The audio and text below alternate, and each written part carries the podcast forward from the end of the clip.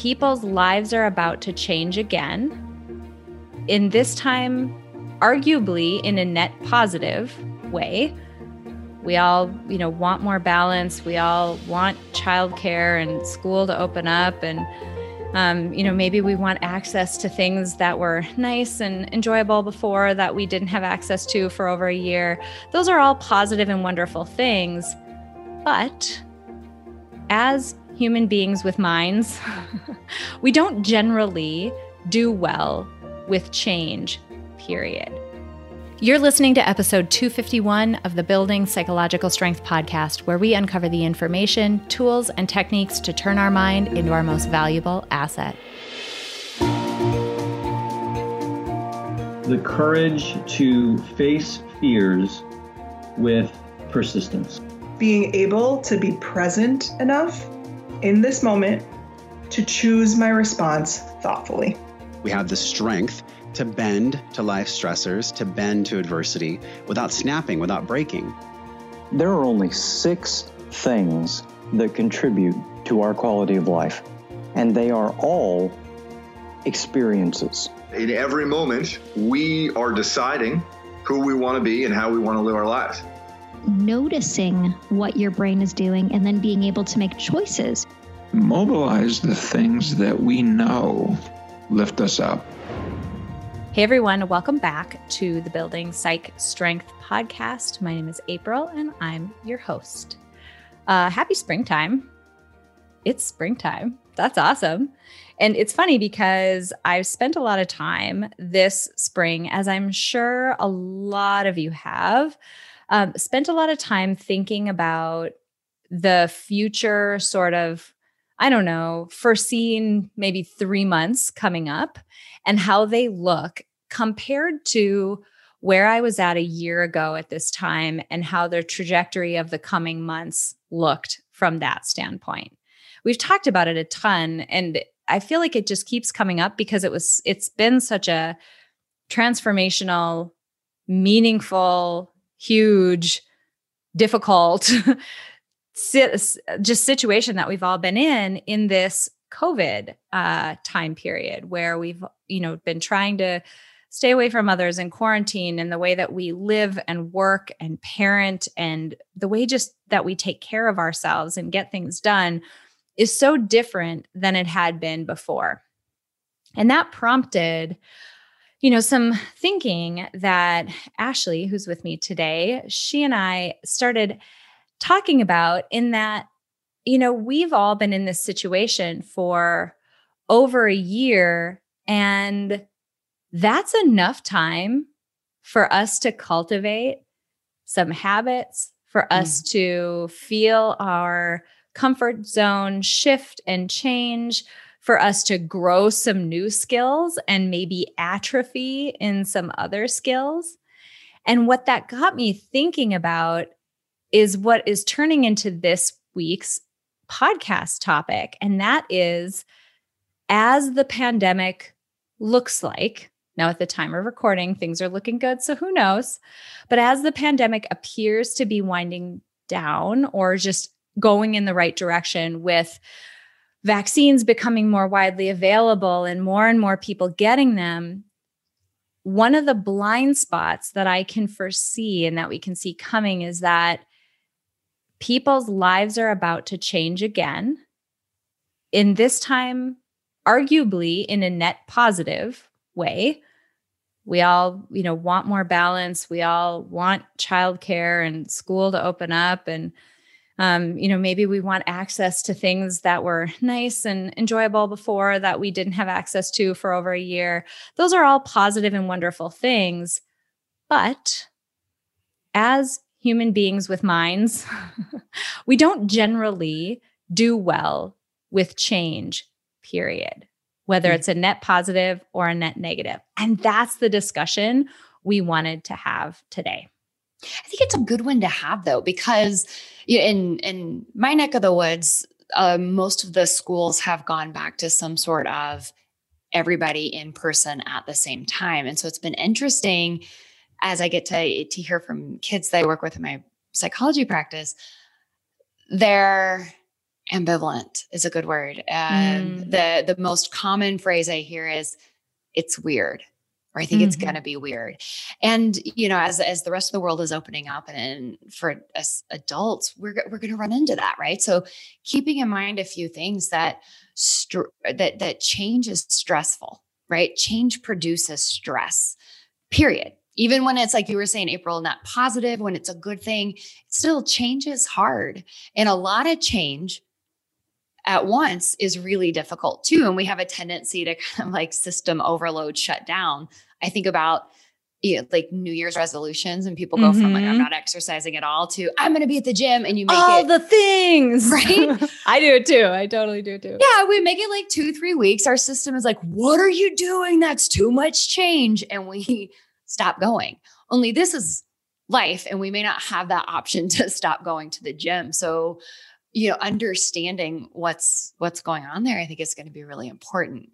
Yeah, totally. And it goes back to we we say this all the time on the podcast. There's like five things, five-ish, I don't know, plus or minus a few. Mm. Five things that we really wish people understood about their minds, like deeply understood and were able to apply to a lot of different settings in their lives. And I'm going to go back to one of those foundational things today. And that is, you know, our mind's biggest goal is to keep us alive while expending the least amount of energy possible. One way that it does that is it creates sets of heuristics or shortcuts or biases or general rules of operating, whatever you want to call them. It creates these shortcuts that it uses to get through as much of life as possible. So, like, our mind wants to keep some of its cognitive energy available just in case like something big and scary and threatening comes up. So like Mhm. we reserve cognitive energy and the rest of the stuff in our lives we try to back burner and run through these shortcuts or run through these sort of autopilot ways of operating. Mm-hmm. And one of those autopilots, I was actually just recording a Friday episode for one of our business episodes and talked about the same thing. One of those autopilot heuristics that it develops is is this something I'm accustomed to? Or is this not something I'm accustomed to? So lots of times we talk about this as our comfort zone. Like our comfort Right. zone Right. the stuff that goes inside of it all it is is behaviors that our mind has learned over time are not lethal because we've done them and we didn't die a bunch of So it's familiar, right? Totally. Like Yeah. You're familiar with that. exactly not risky no big deal Mhm. things that we are not accustomed to doing and that definition is fluid Right. so in the recent past i'm not used to doing these things they don't typically fall inside or as squarely or as deeply inside that comfort zone. They get into more of that, I don't know, gray area, yellow area, the mushy area that isn't as clearly like, woohoo, easy, risk free, love it. My brain has nothing to say about it. My mind is completely quiet and I am calm and confident as I do them. Instead, some of these things like moving into social settings we haven't been in before and navigating some of the context of maybe working in an office that we haven't had to do before or interruptions of a different kind than we're not used to and the lack of interruptions of a kind that we are used to. All of that stuff and we'll give some good examples as we go through this episode but all of that stuff together is stuff that has for a year fallen largely outside of what we've been doing. And so our mind when it you know runs a situation through that heuristic of is this something that's not going to kill me and something i'm accustomed to or no? It's going to hit no a whole bunch of times. And it doesn't mean that anything is bad. It just means that our minds are likely to freak out because they're going to butt up against a no like no this is not familiar a lot here Yes. soon So I find myself kind of like taking that same concept, but with a slightly different angle on it, which is, you know, our minds are pattern recognition machines. They recognize patterns, they create rules, and those rules govern our behavior, right? And that forms our comfort zone. Our minds for the last year have learned people are dangerous. Being Ooh, close to good one. people is dangerous. So, as much as we're also social creatures who are starving for interaction and to do these things that anxiety part of our brain just looks for the rules and it only it's it's super powerful but not sophisticated. It only does good bad good bad good bad. Being near people bad. That's the message it's gotten for the last year. So what this means is when you step outside your comfort zone when you do things you haven't been in the habit of doing that you're not accustomed to or when you break the rules you're going to feel some inside ick that's going to feel like apprehension or anxiety or like you're doing something wrong so, what that means is we're going to have this, this is really weird. Part of me is really excited and ready for this, and part of me is uncomfortable. And that, I think, is just going to be a pretty normal reaction to some very abnormal circumstances. Mm-hmm.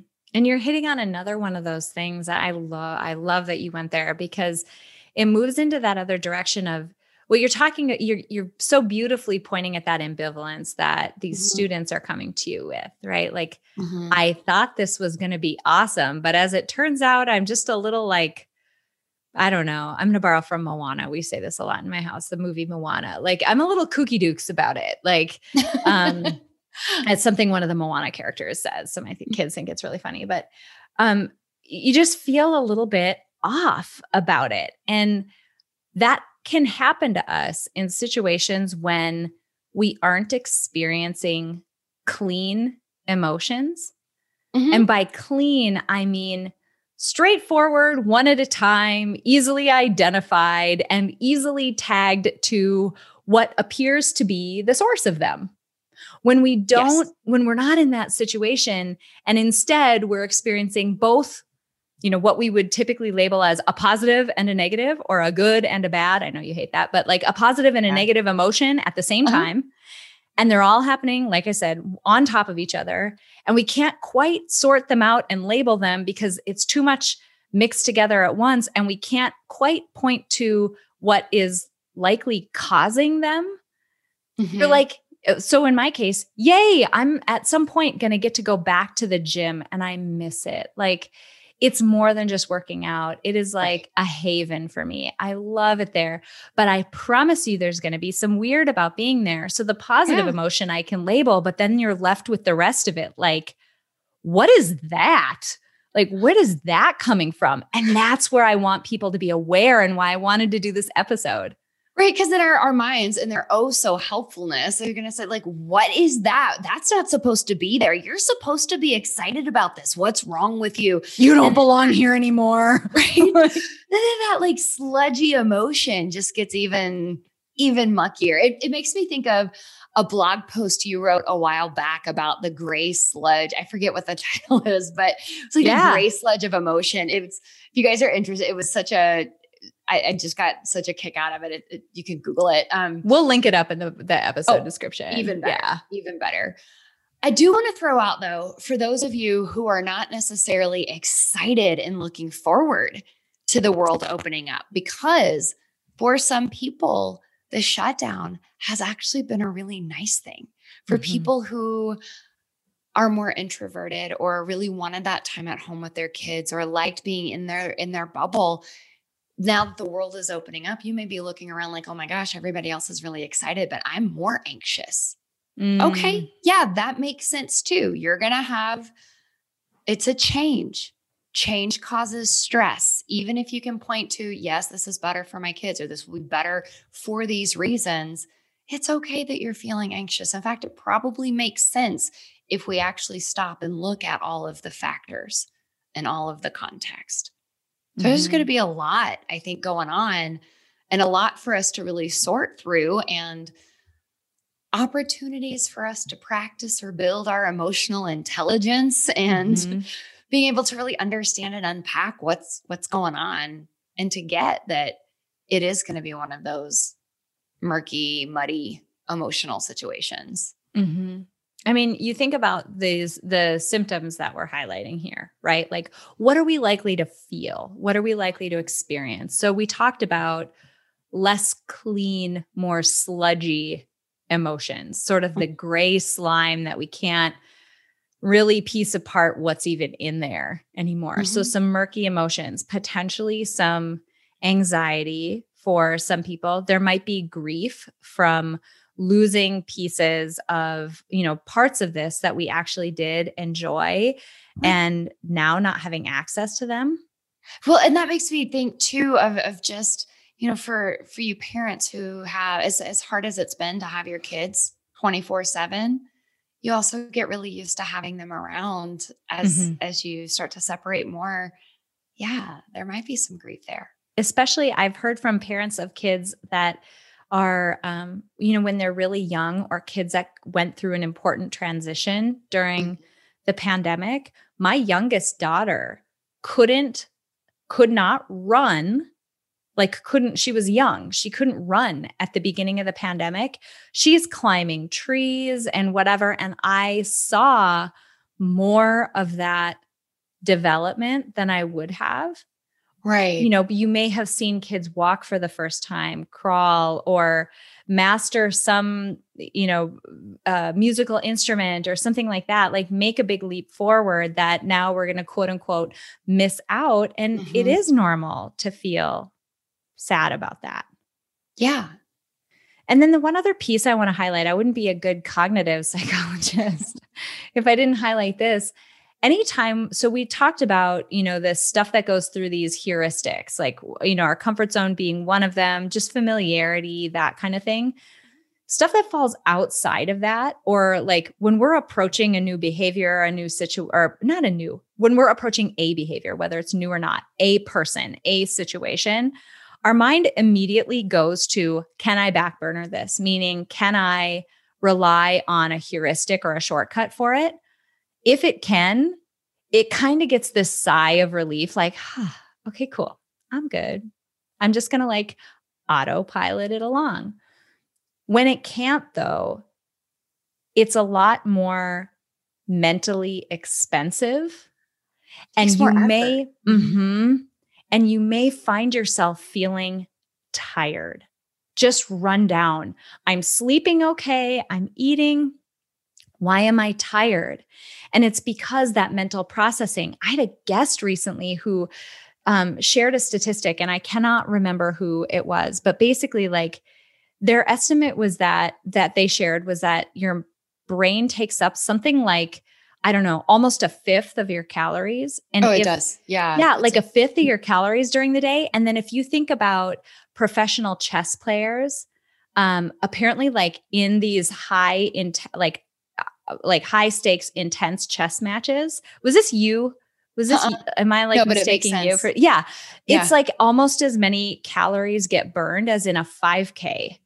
Like and all you're doing is sitting and thinking, but our mind is like calorically and energy expensive Very. for it to think. And so you might be tired because you're just working really hard to process everything. Yeah.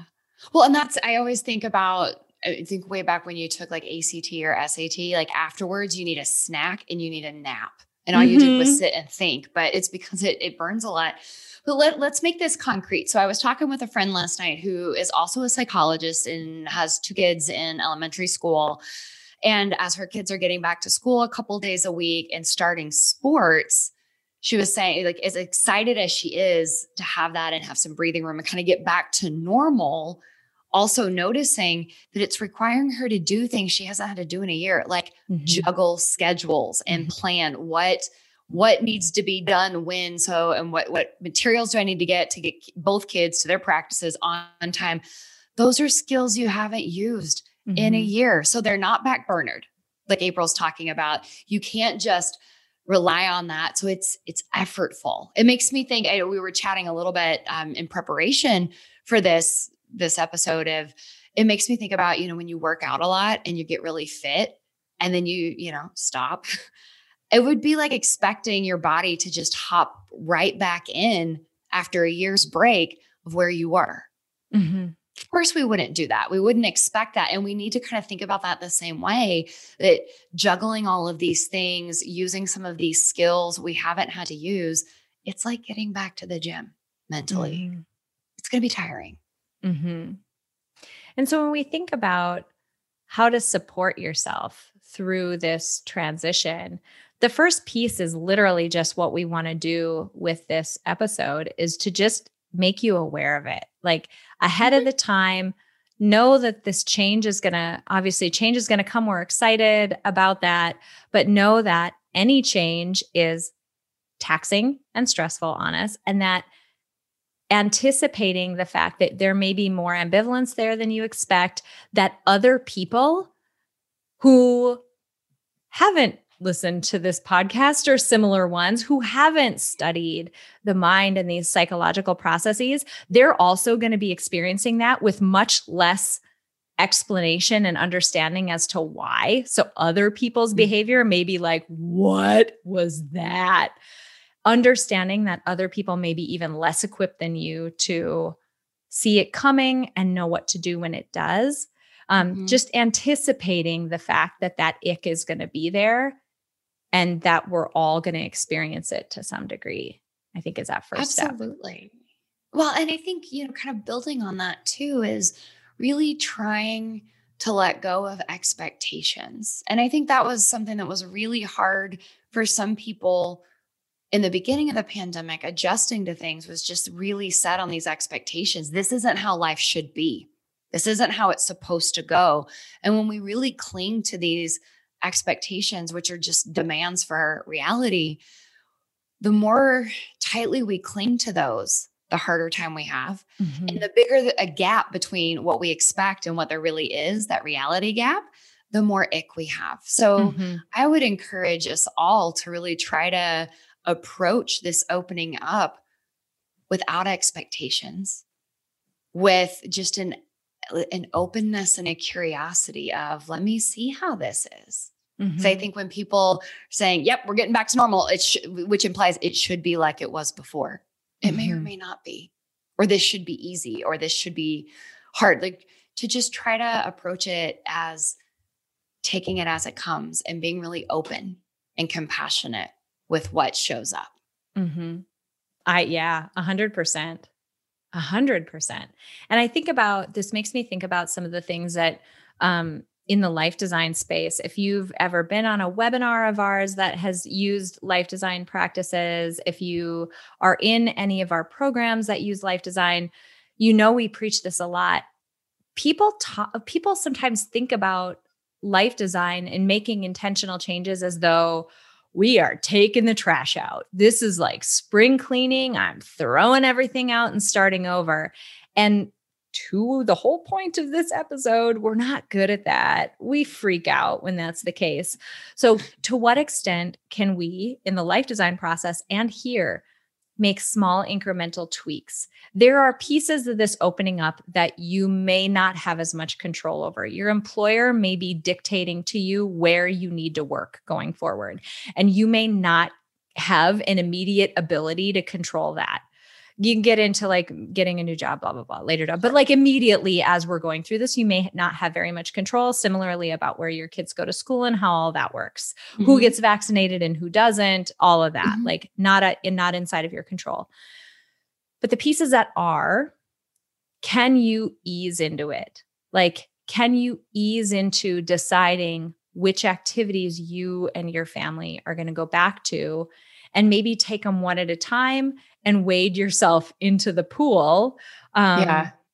You know, when I was, I I love running analogies, but after you run long distances, something that can be really helpful in reducing inflammation, keeping you from getting injured, whatever, is an ice bath, but they can be god awful. Like, I mean, imagine like you have a big bathtub, you've filled it with cold water, you've thrown a bunch of ice in it, and now you need to just go get in it. That's horrible.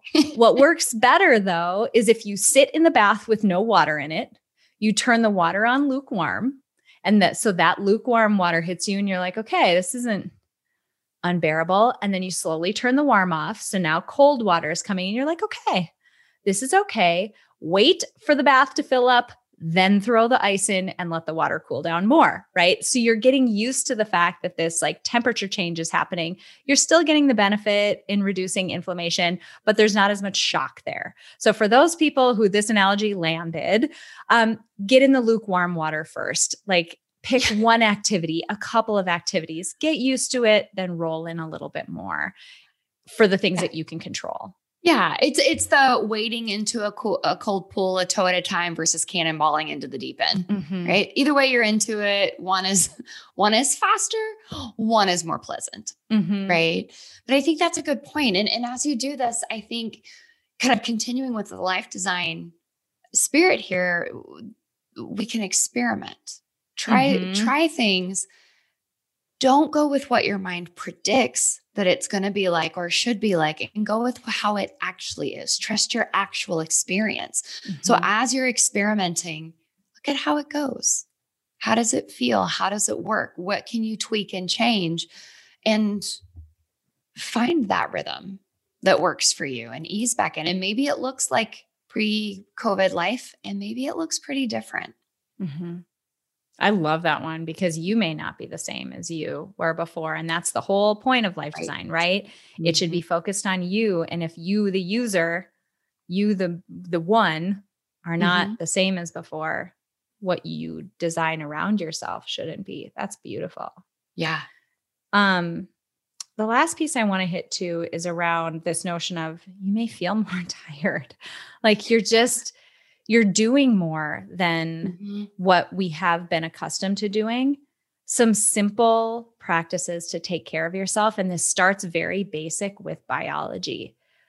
We've talked a lot. We've been doing more and more speaking with like entrepreneur groups and um, conferences and things like that. And some of the messages that we've been sharing center very much around like, you're a biological human being. You have basic biological needs for eat, for eat, for food, nourishment, for eat. for eat, for nourishment, for water, for sleep, for rest. Sleep and Mhm. rest are different things. And your body tells you when you need those things. Those things are needs. Those things are not things you earn. And so giving yourself those things when your body asks for them and taking care of them as much as you possibly can, knowing that you might need a little bit more during this time.